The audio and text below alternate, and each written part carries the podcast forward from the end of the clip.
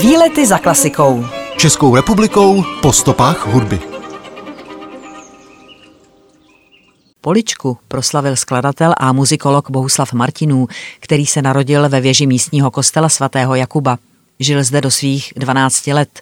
Tady začal hrát na housle a i během studií v Praze se do rodného města vracel. Martinů dnes v Poličce připomíná zachovaná rodná světnička v kostelní věži, centrum Bohuslava Martinů se zrekonstruovanou školní třídou ze skladatelova dětství, expozice Barevný svět Bohuslava Martinů či skladatelova socha od Milana Knoblocha v Poličském parku.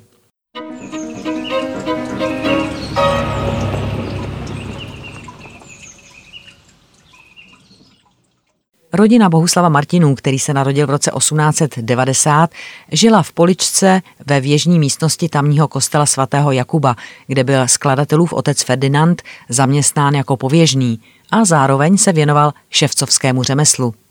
Na věži žila rodina do 12 let malého Bohuslava, který už odmala hrál na housle. Od 16 let začal tento nástroj studovat na Pražské konzervatoři a hlavní město mladého umělce naprosto pohltilo. Byl nadšen z francouzské impresionistické hudby, učil se francouzsky, fascinovalo ho divadlo, začal se zajímat o kompozici. Housle šly stranou a Martinů přešel do varhaní třídy. Nakonec byl Martinů z konzervatoře pro nenapravitelnou nedbalost vyloučen. Vrátil se do Poličky a učil zde na housle. Přečkal tu i první světovou válku. V roce 1919 slavil úspěch s vlasteneckou kantátou Česká rapsodie, kterou Česká filharmonie odehrála za účasti prezidenta Masaryka. V roce 1920 byl Martinů jako druhý houslista přijat do České filharmonie, v níž pak působil tři sezóny. Poté se rok učil skladbu v Paříži a po návratu do Poličky složil pro něj přelomovou skladbu jeho uměleckého vývoje, symfonickou větu Halftime, tedy poločas. V roce 1924 se do Paříže přestěhoval natrvalo. O dva roky později si tam našel svoji životní družku Charlotte Queenehen, se kterou se na počátku 30. let oženil. V jeho tvorbě se pak až do konce života propojovaly dva zásadní vlivy – český a francouzský. Po obsazení Paříže nacisty prchl Martinů i s manželkou do Spojených států amerických, kde postupně skomponoval všech pět svých symfonií. Po válce se s manželkou na čas vrátili do Paříže, aby pak následně žili opět ve Spojených státech, poté v Římě a Švýcarsku, kde také zemřel. Martinů byl prakticky samouk, ale vypracoval se mezi nejosobitější skladatele první poloviny 20. století. Během života skomponoval více než 400 orchestrálních, komorních či vokálních skladeb, mimo jiné 6 symfonií, 15 oper a 14 baletů. Světový úspěch mu vynesla orchestrální vřava, inspirovaná Lindbergovým přeletem Atlantiku, poprvé provedena v Bosnu roku 1927.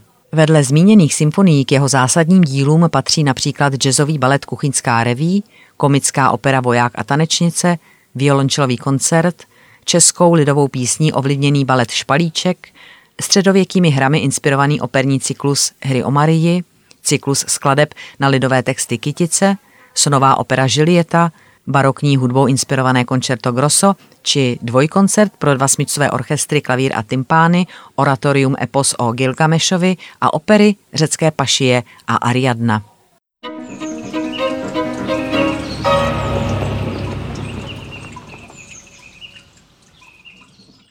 Klavírní koncert číslo 4 Inkantace Bohuslava Martinů vznikl v roce 1956 a jeho záhadný název se dá přeložit jako magické zaříkávání.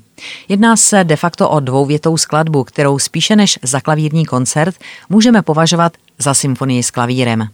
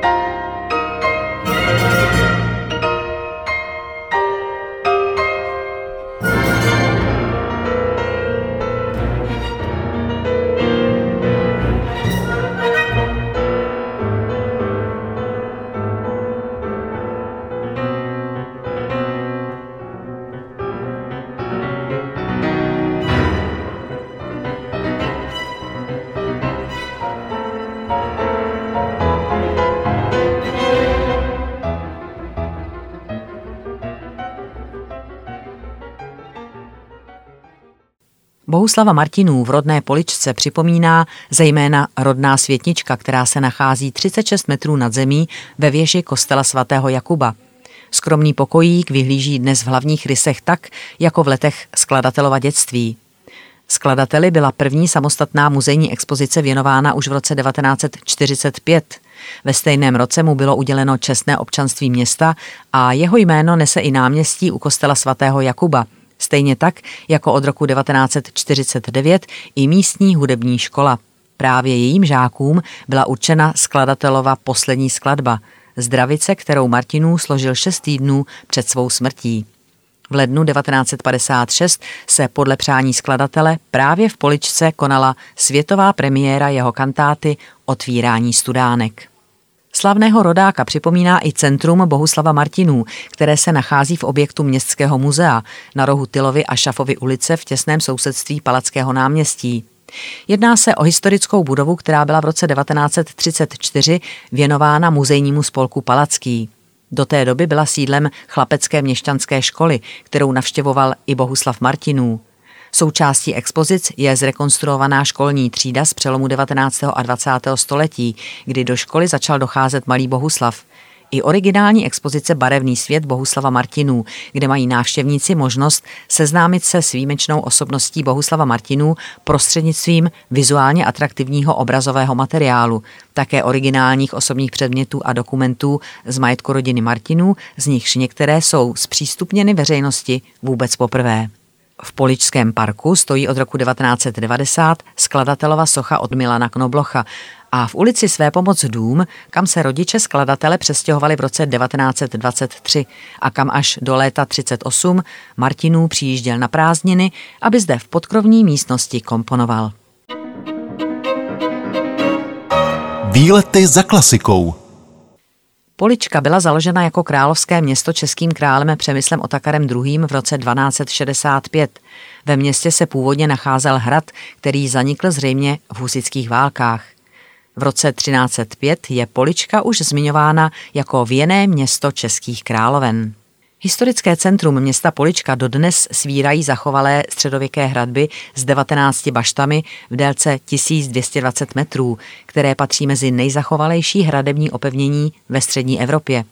V centru města se nachází Palackého náměstí s barokní radnicí, 22 metrů vysokým mariánským morovým sloupem a barokními kašnami – Dominantou města je renesanční kostel svatého Michala. Jeho škrov je naprosto unikátní a nemá obdobu v celé České republice. Hlavní oltář byl zhotoven kolem roku 1770. Kazatelna s reliefy Mojžíše a desek s desaterem pochází z roku 1777. Před jižním vchodem je náhrobek hudebního skladatele Bohuslava Martinů. V roce 1978 tu byla na vlastní přání po úmrtí ve Francii pochována skladatelova manželka Charlotte Martinů.